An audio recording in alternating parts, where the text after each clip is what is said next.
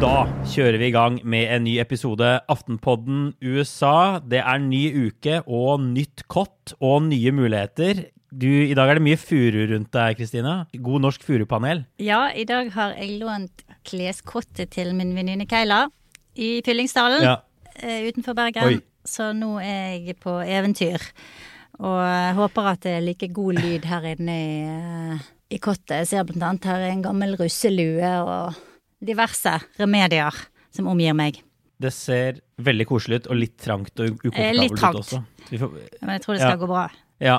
Så Kristina Pletten, altså Aftenposten-kommentator, fast i Aftenpodden i USA. Og så sitter jeg da, Øystein Langberg, USA-korrespondent. Jeg sitter i, på Manhattan som vanlig i New York City. Det har jo vært mye OL i nyhetene i det siste, Kristina. Og vi har lagt ut noe. Vi har jo en Facebook-gruppe, Aftenpodden USA Facebook-gruppe. Og vi har lagt ut en del av de historiene. Også Norge har fått ganske mye oppmerksomhet i amerikanske medier. Det er jo en slags sånn paradegren som er ganske morsom å følge med på. Men alle de store mediene har laget en sak om hvorfor Norge gjør det så bra. Det er jo litt sånn, Man blir jo litt sånn patriot av det. Det er litt gøy å se. Ja, det er veldig gøy å lese om seg sjøl, på en måte. Det blir litt sånn panegyrisk, ikke sant. At, og ofte gjør det det når amerikanerne dekker Norge, da, at det liksom alt er bare helt fantastisk her, og alle bare går rundt, og ingen låser døren, og alle har blondt Ja. hår og er liksom to meter høy, og du føler litt sånn eh, Det blir litt eh, feil fremstilt. Men samtidig har det jo kommet noen interessante vinklinger, blant annet så jeg tror du delte fra Wall Street Journal. Ja, det var veldig, altså, veldig gøy. Gå grundig til verks, langt ned i tippemidler og grasrotandelen, og hvordan Norge finansierer breddeidrett og topp, toppidrett. Og, og det er jo sånn noen feil i disse sakene, men stort sett er, gir det jo et sånt interessant bilde av Norge. Så det er litt gøy. Og vi, har, vi snakket om vi får lage en podkast en gang om litt hvordan USA ser på Norge og Skandinavia. Det hadde vært et gøy tema en gang. Det tar vi gjerne litt innspill på òg. Ting vi kan trekke opp i en sånn pod. Det er jo mye å si om det. Og vi reiser rundt i USA, og folk har ofte en reaksjon på hvor jeg kommer fra og sånn. Eh, som er litt delt. Uh, litt ymse. Ja. Men vi tenkte vi, det ble litt, litt vel navlebeskuende på en så viktig uke for verden å snakke om USA og Norge. Så vi, vi skal heller snakke om USA, eh, Russland og Ukraina. Og både det som skjer på bakken der nå, men også USAs aggressive bruk av etterretning. Veldig interessant. Men også litt mer sånn generelt, for å lage litt mer sånn eh, tidløs pod, om, om Ukraina og, og Russland, som har stått så sentralt i den amerikanske politiske debatten de siste årene. Altså, Vi snakker Hunter Biden, vi snakker Trump, Paul Manafort, vi skal gå gjennom disse navnene, riksrettssaken. Det har egentlig vært en vanvittig smørje med disse landene nå i mange, mange år. Ja, det har det, og det er egentlig litt sånn interessant. Og kanskje er det litt tilfeldig. Ja. Og så er det eh, også litt ikke tilfeldig, men det er i hvert fall Særlig Ukraina da har spilt en, en helt sånn eh, overdreven rolle, får man vel si, i forhold til la- landets eh, størrelse og viktighet i amerikansk politikk. Og det er jo egentlig Ja. veldig spennende. Så det skal vi bruke denne episoden på å snakke om. Men først har vi jo vår faste spalte eh, siden sist. Og du kan jo ta et punkt først, Kristina. Hva som har skjedd siden eh, forrige uke? Ja, jeg får vel ta et punkt om vår gode gamle venn Donald Trump, som har eh, Ja.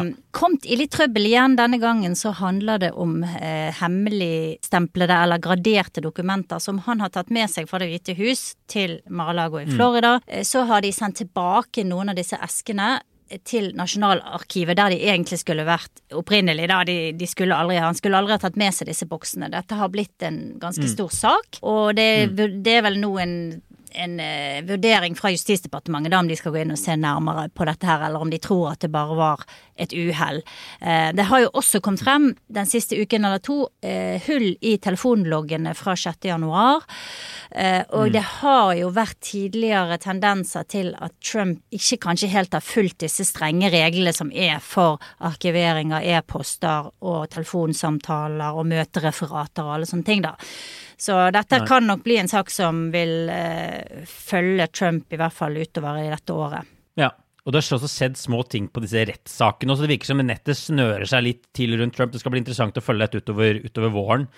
Mitt punkt da går på skolestyret, det politisk valgte skolestyret i San Francisco, hvor det nå er tre representanter som sitter der, som har blitt rett og slett vraket av velgerne i et sånt ekstraordinært valg, det som på engelsk kalles en recall election. Og det som er interessant, og det har fått en del nasjonal oppmerksomhet, det føyer seg inn i, i debatten om rase, wokeness. Og det som vekker oppsikt, er jo at en så liberal, demokratisk by som San Francisco at velgerne der har kalt tilbake dette, dette skole, skolestyret.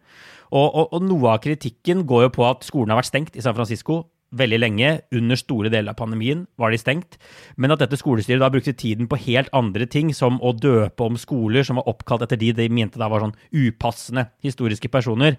En av de var jo da Abraham Lincoln, ikke sant stadig blir kåret til den største amerikanske presidenten i historien, som de da ville bytte navn på. Så, så Det er jo bare en, en, liten del av det, da, men det velgerne virker, virker, å reagere på, er jo at dette skolestyret har hatt fokus et helt galt sted under, under pandemien. Eh, det blir interessant. Vi lagde jo en sak om kritisk raseteori og republikanernes krig mot dette konseptet og wokeness og sånn i november, som er egentlig mm. verdt å gå, gå, tilbake og høre på. Da nevnte vi også annet det som skjer i San Francisco, som er ja, interessant trend. Ja, absolutt. Men du, Kristina, la oss eh, komme i gang med dagens hovedtema, da. Vi kan jo egentlig bare starte med å snakke litt om det som skjer i og rundt Ukraina. Det er jo en floskel å si at situasjonen er svært spent, men den endrer seg fra time til time. Og det er litt vanskelig for oss å gå helt i detaljer på akkurat det som skjer nå, fordi nå sitter vi her mandag kveld, det kan se ganske annerledes ut senere i uken. Men det store bildet er jo da ikke sant, godt over 150 000 russiske soldater er oppmarsjert langs grensen til Ukraina. Det pågår samtaler på høyt nivå mellom politiske ledere. USAs utenriksminister, Russlands utenriksminister skal etter planen møtes senere i uka. Det skal også Putin og Biden gjøre, gitt at det ikke kommer en invasjon før. Det er på en måte det kravet Det hvite hus eh, setter. Så ser vi masse nyheter om liksom, uklare hendelser i disse grenseområdene mellom Ukraina og Russland. Det meldes om eksplosiver, raketter, det pågår en evakuering. Russland kom med påstander om folkemord, som ser jo da høyst ufunderte ut. Og mye av dette tilbakevises på nett, men det er et veldig sånn uklart bilde og, og en kamp om å tilbakevise russiske påstander. Ja. Det er jo blitt en informasjonskrig først og fremst nå, da, og det er jo uhyre interessant. Mm. Og eh, det handler jo òg om eh, dette her forhatte ordet som er narrativ, som vi egentlig ikke skal bruke, men det, jeg syns det passer godt her, da, for det handler om hvem som kontrollerer narrativet, og det er jo mye av det eh, Biden og Blinken holder på med nå, er å forsøke å frata russerne muligheten til å på en måte eie fortellingen om hva som skjer. Så de er hele tiden mm. ute, mm. nesten daglig, da, og kommer med korrigeringer og kommer med opplysninger som kanskje går mot det russerne sier. Blinken har jo ikke vært spesielt profilert eh, det første året. Han har egentlig holdt en relativt lav profil mm. til å være utenriksminister, tenker jeg da. Men nå har han jo virkelig forkjørt seg, og ja. han var jo ute på på alle disse her søndagsnyhetsshowene på søndag, og eh, la frem ja. USAs grunner for hvorfor de gjør som de gjør, og var også ganske tydelig på at de forventer såkalte false flag operations, som han eh, Som, som jo mm ofte er en sånn der eh, favoritt blant konspiratorikere. ikke sant? Det der at man liksom lager en uh, situasjon ja. som ikke er ekte, for å, å, kunne respondere på den situasjonen. da. Så eksempel at russerne fingerer at deres styrker ble angrepet, sånn at de kan slå tilbake. Og Blinken har jo vært ekstremt konkret på f.eks. påskudd Russland kan komme med. De har gått veldig langt i å si Han var i Sikkerhetsrådet her om dagen, da sa han funn av massegraver. Mm. Et eksempel på når Russland kan dikte opp fiktive terrorangrep i Russland som de hevder Ukraina står bak. Fiktive eller ekte kjemiske våpenangrep. Eh, og så kommer de til å innkalle et sånne teatralske krisemøter hvor de sier vi må svare, vi må inn og gripe inn og skape stabilitet i denne regionen. Og så ruller de inn. De har, vært, liksom, de har lagt fram hele den oppskriften, og de mener Russland kommer til å bruke på, en, på detaljnivå vi veldig sjelden ser eh, når USA gir ut etterretningsinformasjon av den typen her, som har vært veldig interessant. Ja, og jeg tenker at dette her er jo kanskje et sånn neste steg etter det vi så, la oss si i 2016, da, 2015, da russerne begynte med denne type informasjonskrig. Begynte å manipulere mm. nyhetsbildet, sende ut falske nyheter. Eh, og så har jo dette utviklet seg da nå i, i fem, seks, syv år. Og nå ser vi i praksis hvordan amerikanerne svarer, og hvordan de egentlig prøver med en sånn debunking. Det er jo egentlig det de gjør, da. Sant? Og nesten ja. også ja. før russerne får satt ut sine påstander, så er amerikanerne der og prøver å, å ta luften ut av dem. Det har jo vært forskjellige eh, folk som har vært ute og stilt spørsmål om dette er en god strategi, og det vil jo tiden vise, men det er i hvert fall mm. utrolig interessant å følge, og egentlig i hvert fall fra mitt perspektiv, jeg har aldri sett noe lignende før. Nei. Jeg syns det er veldig interessant. Ja, det er flere medier som har skrevet om det. De, de omtaler The New York Times som en svært aggressiv bruk av etterretningsinformasjon fra USA uten sidestykke. Man bruker litt egentlig Russlands metoder mot dem selv. Vi har jo sett det, mm. altså USA har hele tiden vært klare på den oppbyggingen som skjer. Veldig detaljert på antall soldater hele tiden, hvilken vei det går. I dag er det så mange soldater, i går var det så mange soldater. Altså Biden selv har gått veldig langt i å si eh, at altså Han sa jo i helgen at Putin har tatt beslutningen om invadere, det er han helt sikker på. Og så har USA gått ut med den konkrete datoen for når invasjonen kommer, når de mener den vil komme, i hvert fall. Og det var jo egentlig onsdag i forrige uke, ikke sant. Da kom det ingen invasjon, og så har de sagt i løpet av noen dager, og så har de sagt i løpet av noen dager en gang til. Og det er jo det som kanskje svekker dem litt, og får det til å fremstå som at de roper litt ulv, ulv her, da, når de hele tiden snakker om den datoen som skal komme, og så kommer ikke den likevel. Det er kanskje noe av faren her, er det ikke det? Jo, på en måte, men du kan nå snu på det og si at uh, de gjør det for at de ikke skal invadere. sant? Ja. Så det, det, at de liksom roper ulv da, mm. gjør at Putin blir sittende og ikke kan gjøre som han hadde planlagt. Og det er vel mm. det, det, argumentet de vil fremføre. Jeg ser at det er en del analytikere som har trukket linjer tilbake til 2003, mm. invasjonen i Irak, og der amerikanerne også jo brukte etterretning og la frem informasjon som viste seg senere å ikke være riktig, sant, om at Irak var på vei til å få eh, Masseødeleggelsesvåpen ødeleggelsesvåpen, takk. Men jeg tror at dette er en ganske annerledes situasjon. Jeg tror at amerikanerne har jobbet ganske eh, systematisk med å bygge opp et slags sånn forsvarsverk mot falske nyheter og mot denne typen manipulasjon, da. Mm. Så det vi ser nå er egentlig for første gang et nytt type forsvar i praksis. Ja. Eh, og dette her sist gang eh, Biden møtte Putin, så snakket de jo om akkurat dette. De snakket om cybersikkerhet, og de snakket om manipulering av informasjon. Og eh, Biden var jo da veldig opptatt av at man skulle også få til en slags eh, på si nedtrappingsavtale mm. eller deeskaleringsavtale som gjaldt disse tingene, f.eks. cyberangrep. Ja. da. Ja. Og det er vel det de har snakket om, at det første som kan komme til å skje, er et stort og massivt cyberangrep mot Ukraina. Før man liksom for soldater og tanks og fysisk ruller inn i landet. Ja, og jeg må jo bare si at noe av det USA har advart om, ser vi jo nå skje. ikke sant? Det er krisemøter på gang mm. i Russland, det er masse rare hendelser og masse påstander om ting USA har advart om. Så det er ikke sånn at alt USA har advart om, har vært helt feil. Men invasjonen har da ikke kommet ennå.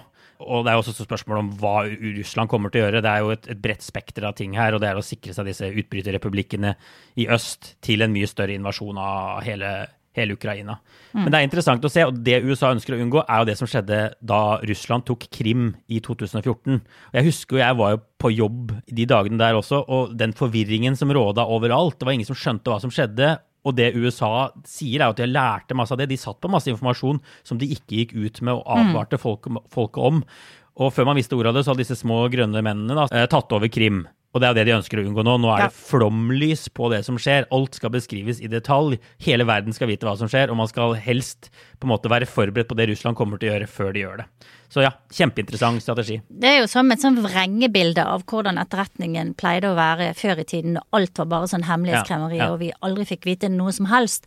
Og nå plutselig så er alt snudd helt på, på hodet. Så det er, det er veldig rart, altså. Og så er det noen som er litt konspiratoriske og mener at, eh, at, Biden kanskje kan bruke dette til å avlede litt. Det er jo noen som mener at situasjonen ikke er like spent som det Russ USA prøver å tegne opp et bilde av. Det er jo Russlands påstand, ikke sant. Men, men også Ukraina har jo mm. lagt seg på en litt mer forsiktig linje, i hvert fall opp til nå. Og det som jo kan skje, er hvis det ikke blir så ille som det USA har sagt, så kan Biden på en måte gå ut og ta æren for at det ikke ble noen krig. Så kan du si at de har ropt ulv, ulv, men de kan, som du sa, si men det kunne vært gått mye verre hvis de ikke hadde gjort som de gjorde. Og så kan Biden se ut som en, som en vinner her. Et, altså, men jeg tror nok at Biden og sikkert Blinken og resten av regjeringen også alltid har jo et øye på eh, det som skjer inn innad i USA, og på hvordan ting ser ut mm. innad i USA. Det tror jeg også i denne situasjonen, og det er ingen tvil om at det er viktig for Biden å virke tøff og virke bestemt og virke som han har en plan. Ikke ja. minst det. ikke sant? Det har jo vært den liksom, hovedkritikken mot han hele veien. Ja. At han ikke virker som han har hatt kontroll. Så det at de nå er såpass harde i klypen, tror jeg også eh, har litt med sånn optics å gjøre på hjemmebane. Uten at det nødvendigvis betyr at de ville ha, ha, ha gjort noe annet, da. Nei. Hvis ikke de skulle tenkt på det innenrikspolitiske. Men jeg tror at, eh, at for Biden så, så er det nok klart en fordel. Og på en måte så er dette en litt sånn kan fort bli en vinnersak for han, tenker jeg. hvis vi skal, Nå, nå havner vi litt i det kyniske sporet igjen, der vi snakker sånn eh, veldig kynisk om Det er lov på denne ja. poden. Ja. Det er jo først og fremst ukrainerne dette å, å bli kjipt for. Men ja, dette er en pod om USA. Det er interessant ja. å vite hvordan det spiller på hjemmebane. Så ja, det kan bli en slags vinnersak å vinne tilbake litt initiativet etter det kaoset som Afghanistan endte opp med å bli òg, eh, for Biden. Ja, og du skal ikke se bort ifra at de har tenkt litt sånn, altså at, uh, at, her må vi bare være på ball, og her må vi ta veldig hardt grep. Og, og så har du jo en historie ikke sant, med Putin og Trump. Uh, mm. Og alt som har vært av sammensurium med Russland og Ukraina der. Og det skal vi komme, komme tilbake til. Men jeg har først lyst, før vi går opp på Russland og Trump og hele den pakka der, så la oss snakke litt om måte, USAs forhold til Ukraina. Vi var jo inne på det i starten av eh, episoden. Et av Putins krav her for for å ikke invadere, da, eller for ikke foreta seg noe militært, er at Ukraina aldri skal bli medlem i Nato. Han har jo kommet med en rekke krav til Vesten. Eh, det er ett av dem. Og så skrev jeg en sak om dette her om dagen. Paradokset er jo at ingenting tyder på at Ukraina skal bli medlem av Nato med det første. Men det kan man på en måte ikke si rett ut eller så høyt, fordi Nato for det første så har jo Nato et prinsipp om at døren er åpen. Hvert land bestemmer selv hvilken forsvarsallianse det vil være en del av. Mm. Men for det andre så har jo Nato da prestert i 2008 å love både Ukraina og Georgia at de vil bli medlemmer av Nato. Det står det, og det er på en måte alliansens offisielle politikk. Det står det i noen sånne dokumenter. Mange mener at det var en tabbe å si det så eksplisitt som, som de gjorde det, men det var et kompromiss. Og det skyldtes jo den gangen at USA pressa på for å få Ukraina i hvert fall på et spor hvor de starte den formelle prosessen da, ble, og bli tatt opp i, i Nato. Eh, og dette har jo blitt eh, en god del år siden.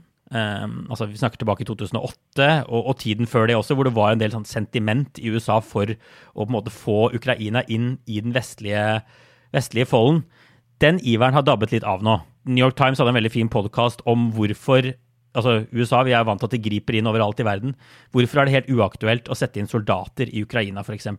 Det er jo Biden sagt klart og tydelig at det kommer ikke til å skje. Og det virker som det er ganske stor tverrpolitisk støtte om i USA.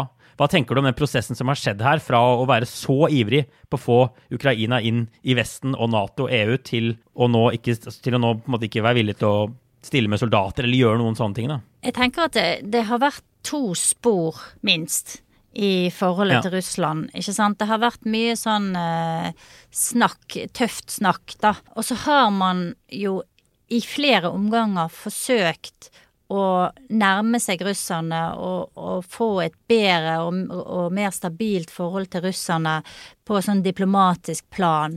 Hillary Clinton var jo ute med denne reset-knappen sin, og jeg tror en del mm. av det har jo vel vært å ikke eh, provosere russerne mer enn nødvendig. sant? Altså være tøff mm. inntil et punkt, men prøve å ikke provosere dem mer enn nødvendig. Det er en innmari vanskelig balansegang, også for Jens Stoltenberg og Nato, det der. Og så samtidig så innad i Ukraina så har du jo motstridende krefter, ikke sant. Du har politiske krefter som støtter Putin, og du har mm. eh, politiske krefter som er mer vestlig orientert mot EU, mot Nato.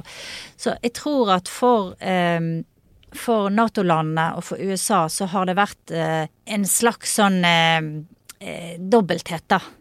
I måten ja. de har behandlet eh, Ukraina på, og også Hviterussland kanskje, og flere Georgia og flere av disse her andre landene som ligger i ja. denne randsonen. Og det man nok har lært siden 2008, da, og den litt mer sånn optimistiske 'nå skal Nato utvides til disse gamle sovjetrepublikkene', er jo man har sett at Russland er villig til å ta risiko, bruke militærmakt eh, i nærområdene sine.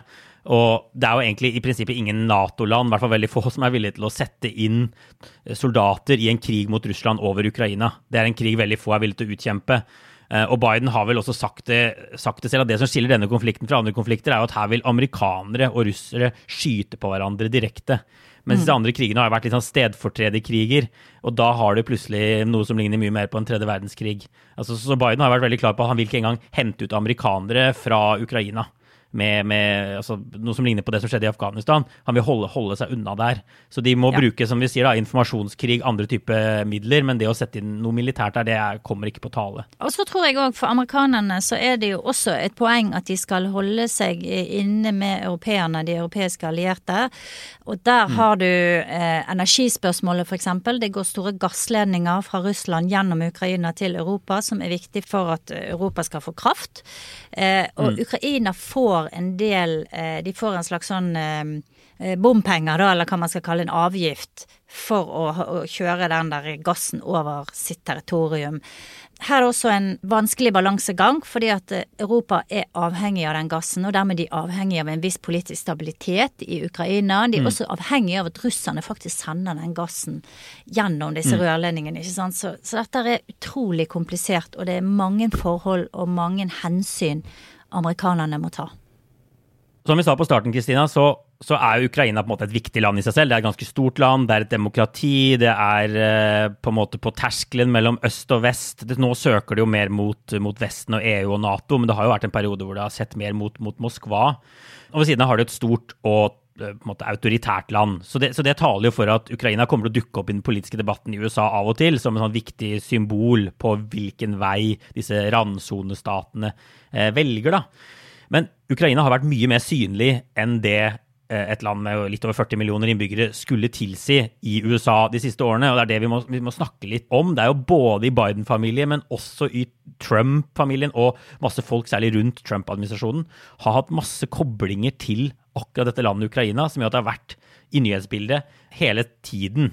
Og vi kan, vi kan, egentlig bare snakke oss kort igjennom disse tingene, men den første tenker jeg det mest uh, profilerte var jo denne riksrettssaken mot Donald Trump. Den første riksrettssaken mot Trump, uh, som jo handlet om at han ville presse Ukrainas president til å etterforske Biden-familien. Og Trump truet da med å holde igjen militær bistand til Ukraina som et pressmiddel for å få i gang denne, denne undersøkelsen. Og Han ble jo stilt for riksrett, og så ble han frikjent av Senatet. og Det var bare én republikaner, da, Mitt Romney, som stemte for uh, å dømme Trump i den saken. Uh, men mm. det gjorde jo at Ukraina var på alles lepper, da. Et land noen fleipete vil si at de aller fleste amerikanere ikke klarer å peke ut på et kart. Ja, og sentralt i den saken var jo en utskrift av en samtale Trump hadde hatt med mm. Zelenskyj, presidenten i Ukraina, og der han eh, mm. eksplisitt sa dette her, eh, at han stilte det, eh, visse eh, krav, da, for at mm. Eh, han skulle få hjelp. Og det er jo interessant med tanke på dagens situasjon, da, at nettopp dette her, at den amerikanske bistanden til Ukraina, som var viktig for at landet skulle kunne forsvare seg sjøl, ble holdt ja. igjen for eh, politisk vinning, sånn som Trump gjorde, og at ikke republikanerne så mer alvorlig på det han hadde gjort. Det fremstår egentlig som veldig merkelig i dag, syns jeg, da.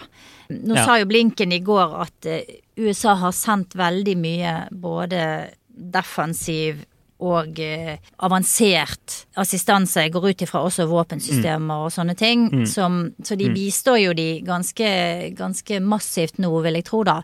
Um, ja. Ifølge Blinken. Men uh, under Trump så var jo dette her uh, trukket i tvil. Og det var jo blant annet på grunn av Trumps litt sånn rare forhold til Putin, og de signalene var litt sånn blandede, da. Ja om hvor mye, ja. hvor mye støtte Ukraina egentlig kunne få fra USA.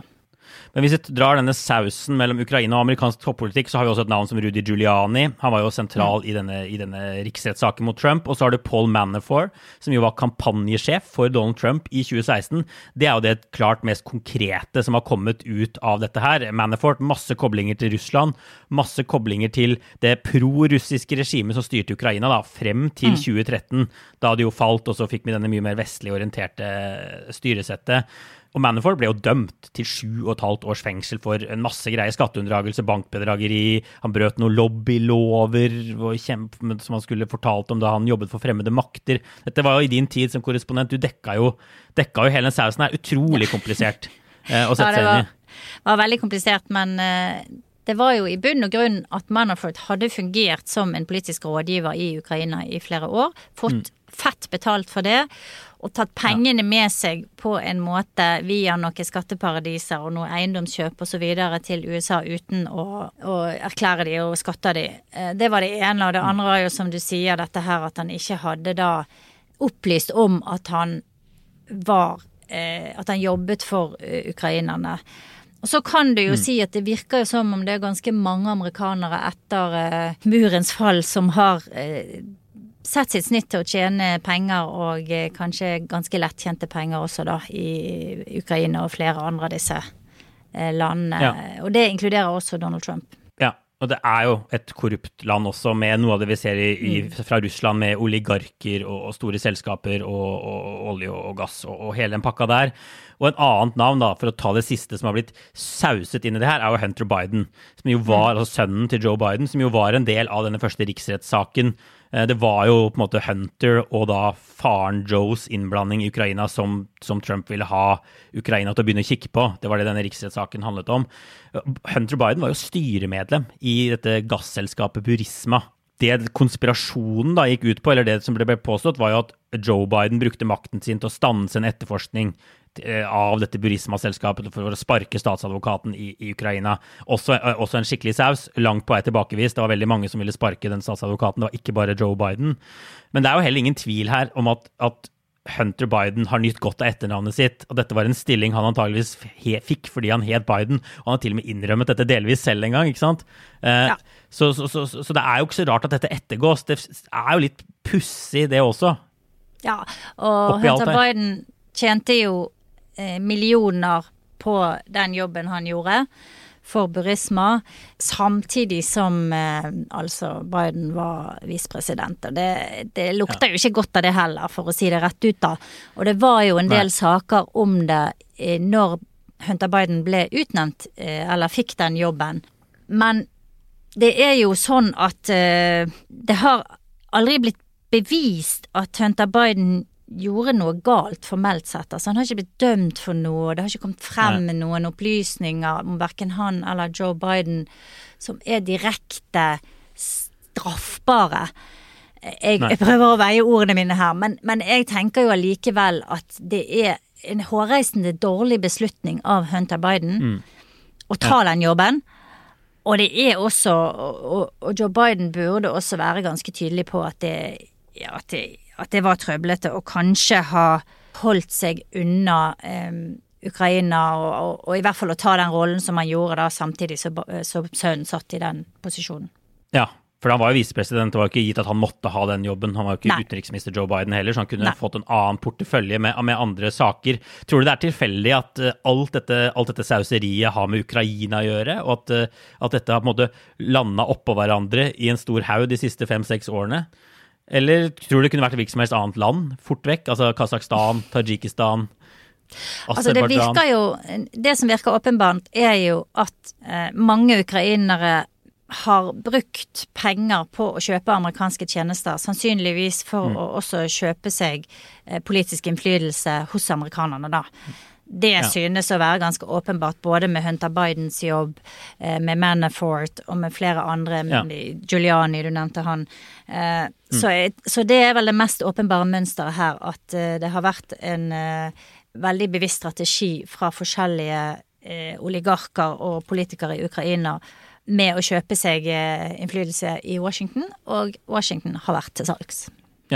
Vi får også snakke litt eh, til slutt om USAs forhold til Russland. Eh, det er det jo Man kan skrive eh, tibindsverk om det, men altså også det har jo vært gjenstand for mye liksom, kaotisk, mye nyheter og sånn de siste årene. Du nevnte det, Trump la seg på en mer Russland-vennlig linje, må vi kunne kalle det, i valgkampen enn det det partiet tradisjonelt har gjort. Republikanerne har jo vært det vi ofte kaller haukepartiet, de som skulle være aller tøffest mot Sovjetunionen, aller tøffest mot Russland. Og så var demokratene på en måte de, de, svake, som de fortalte historien, da, de som på en måte ga etter og ikke, ikke sto ordentlig opp mot Russland og, og disse gamle kommunistene.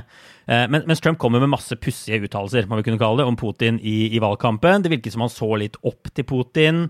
Og etter at han ble president, så uttalte han noe som, hvor han langt på vei virket som han stolte mer på Putin enn USAs etterretningsmyndigheter, f.eks. I en sånn famøs pressekonferanse i Helsinki og det har vi egentlig sett litt sånn videreført, at det republikanske partiet ikke helt vet hvor det står på, på Russland nå for tiden.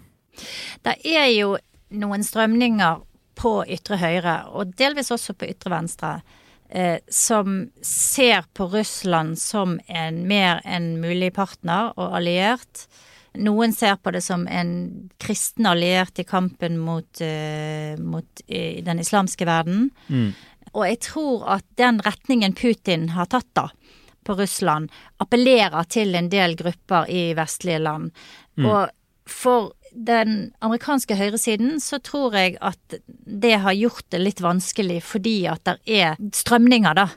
Fra, som ja. kommer fra ytre høyre, skal sies, type Steve Bannon og mm. den gjengen der, som gjerne vil nærme seg Russland, vil, eh, vil, alliere seg med de, ser på dette som en slags sånn eh, kristen pakt, da som, eh, som, kan ligge i bunn for en mer sånn eh, ja, For en type sivilisasjonskonflikt som jeg tror de, de tegner opp. Altså, dette, dette er ja.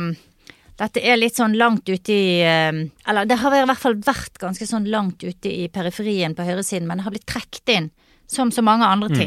Trukket inn i, i mer sånn mainstream politikk, da. Og jeg tror at ja. det er en viktig grunn til det. Til ja. at holdningene ja, og... mot, til Russland har endret seg. Ja, ja, jeg er helt enig. Og, og, og, du ser den splittelsen vi snakket om, at, at de ikke snakker med én stemme lenger. Det ser du også veldig tydelig i den Ukraina-konflikten her. På én side så har du en del gamleskolerepublikanere som mener at Biden burde gjort mer. Han burde innført sanksjoner allerede for å avverge krig. Han burde stått mye hardere opp mot Russland. En del som sier det. Men de blir på en måte undervurdert av den andre siden, av høyresiden, hvis vi kan kalle det det. Tucker Carlson, Fox News-ankeret Eh, stiller sånn grunnleggende spørsmål han, på, på, showet sitt om hvorfor USA støtter Ukraina og ikke Russland, f.eks. Det er sånn spørsmål han sier. Hvorfor er det patriotisk uh, å, støtte Ukraina når de ikke støtter, støtter, Russland? Du ser andre komme med, med, med lignende ja, uttalelser. Litt sånn sympati for at Russland ønsker seg en interessesfære hvor da kanskje Ukraina inngår som jo på en måte er Putins mm. eh, hovedmål. Eh, det som er interessant her, er jo at her ser vi liksom fruktene av de der frøene som Putin har plantet i lang, lang tid. Hans mål har hele tiden vært dette mm. her. Å splitte Vesten, og så tvil og, og, og spre falsk informasjon. og, og det er en splitt og hersk-strategi, ikke sant, som han har jobbet lenge med og lagt grunnlaget for i kanskje for 10-15 år siden. Eh, så det vi ser mm. nå er jo eh, at det han har eh, lagt grunnlaget for, har vært veldig effektivt. Og det gjør at det er mye vanskeligere ja. for, for, Europa og for USA å svare på provokasjonene hans på en enhetlig måte, da. Men som vi snakket om innledningsvis, så er jo kanskje noe av svaret er det som Biden og, og Blinken nå holder på med, og, rett og slett legge alle kort på bordet, være åpne, være aggressiv, eh, aggressivt åpen som en, en motstrategi. Og så, så, skal man ikke avfeie på en måte all kritikk av USA om, og det de velger som en sånn 'nå er det på lag med Putin'. U, altså, man skal ikke rosemale USAs fortid, hvor på en måte alle sto sammen, og hvor det å, å, si noe kritisk til USAs utenrikspolitikk var å være en sovjetisk spion. Det har jo vært litt sånn, hvis man går tilbake mm. noen tiår også. Det er absolutt sunt med, med debatt. Så, så, det er nok litt lett for oss å si at nå er det i lomma på Putin bare fordi du mener det og det. Det, det er jo i hvert fall vesentlig mer mangfold i debatten. Og så er det å finne balansen mellom å gå Putins ærend og faktisk stå opp for noe som du mener selv, da. Men vi må bare eh, innom eh, Russland og valgkampen i 2016 og Trump, som også har vært en lang, lang lang føljetong, som du har fått æren av å dekke i mye større grad enn meg. Men jeg tenker, eh, det som har skjedd det, i løpet av det siste året, egentlig, er en ting vi bør starte med, er jo denne stildossieren. Mm. Ehm, jeg vet ikke hva vi kaller det på norsk engang. Nei, det var jo egentlig bare en samling av notater fra en gammel spion ja. som hadde blitt hyret inn av et uh, uh, law firm, som igjen hadde blitt hyret inn ja. av uh, Clinton, Hillary Clinton og hennes kampanjefolk. Og ja. disse notatene ble da etter hvert overlevert til FBI. Og ble en del av denne her store etterforskningen som ble kalt for Müller-etterforskningen etter Robert Müller, som var han som kjørte den etterforskningen da. Ledet. Og veldig mye av min Ja. tid som korrespondent gikk jo med til å dekke det der, og det var utrolig mye detaljer og mennesker og informasjon og rykter, og det var en sann graut av nyheter. Og, hver, og det var liksom hver dag var det noe nytt, da. Og så endte det jo på en Ja, måte med en litt sånn der eh, Det endte med å bli veldig lite. Altså, det kom lite ut av det, selv om det ble en del tiltaler. Ikke av din aller nærmeste. Du nevnte Manafort, det var jo en del eh, andre som ble, ble tiltalt og for forskjellige forhold.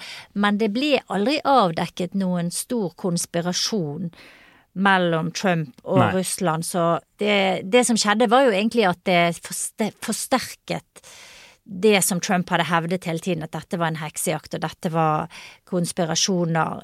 Jeg tror i det store bildet så er det det folk sitter igjen med, sant. At de holdt på med dette her i Mm. Ja, årevis, ja. og det kom veldig lite ut.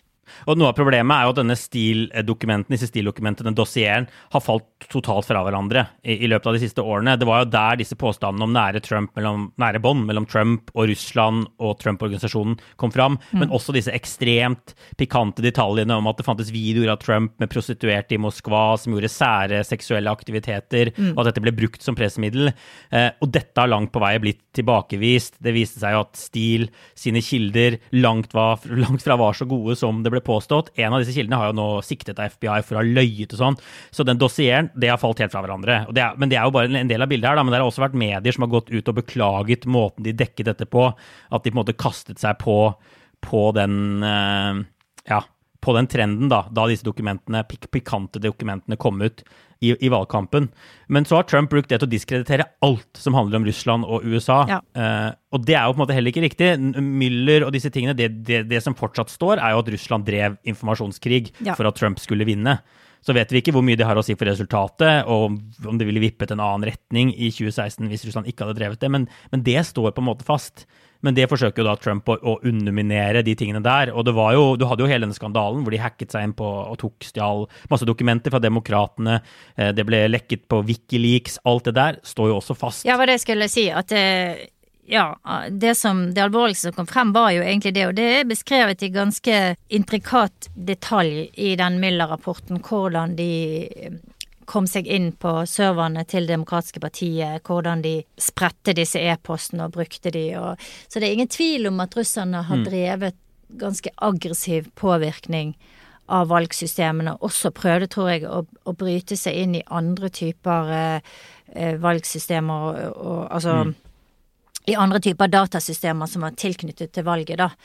Så det var helt klart Det kom frem alvorlige ting, men ikke sant, det er veldig mye nyanser, veldig mye detaljer i et mediebilde som egentlig bare er opptatt av korte eh, overskrifter, eh, korte budskap, slagord nærmest. Sånn, Trump snakker jo bare i sånne slagord, ikke sant. Så utrolig vanskelig å komme gjennom med, med et mer nyansert bilde.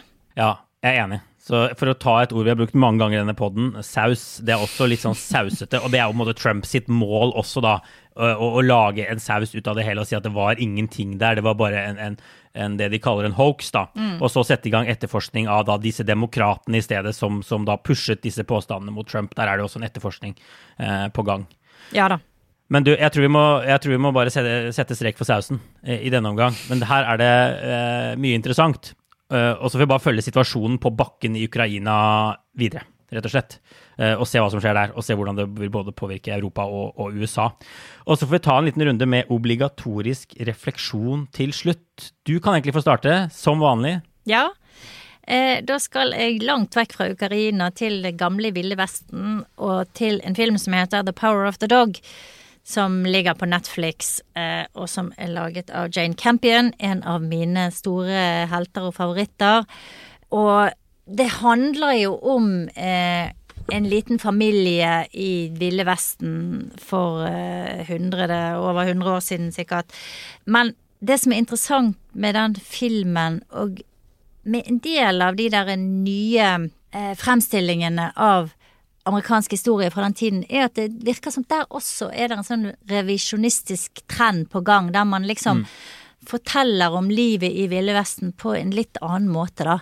Og dette Ja. er et veldig godt eksempel på det. Og, og, og forteller det mye mindre som en sånn derre Clint Eastwood-aktig heltegreie, heltegreie, og, og, og, mer, og mer som en sånn den voldelige og utrolig tøffe tilværelsen det var for alle.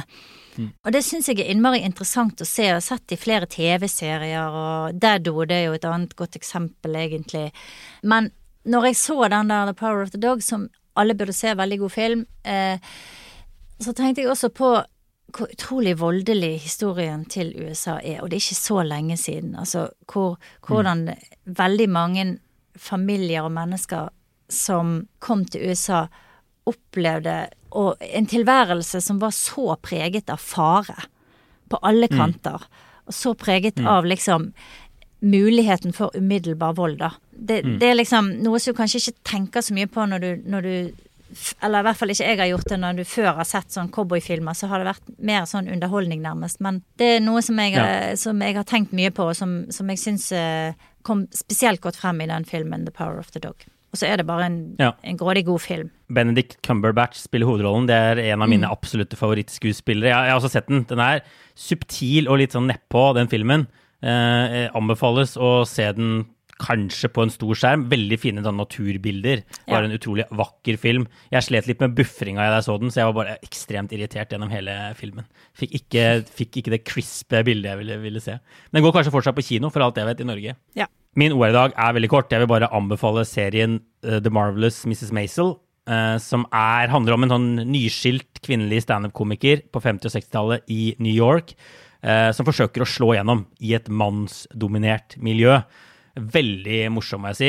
Veldig sånn fine sett, nydelige farger. Den er spilt inn på Upper West Side, her jeg bor, som jo delvis, da, og også litt nede i The Village, som jo gjør, gjør ting ekstra, ekstra moro for meg. Og sesong fire, da, den kom akkurat nå. Det kommer også en siste sesong fem. Jeg har sett mange serier i det siste. Jeg føler at det er en sånn trend at hvor man har bare rollefigurer som er sånn usympatiske. Altså hvor det ikke er noe man heier på. Det er kule dialoger og sånn, men det er bare sånn du har, jeg, jeg, jeg blåser litt i hvordan det går med folk i mange serier, syns jeg nå. Jeg har ikke, på en måte, investerer ikke noe i det, men det er ikke sånn her. da. Her er det liksom noen folk å heie på. Morsom historie, rett og slett. Som jeg tror den ligger på Amazon Prime i Norge også. Det gjør den i hvert fall her i USA. Marvelous Mrs. Maisel, altså. Skal vi sette strek der, Kristina? Så skal du få gå og løpe til middag og komme deg ut av kottet. Det høres ut som en god plan. Ja, da ses vi igjen om en uke. Ha det bra.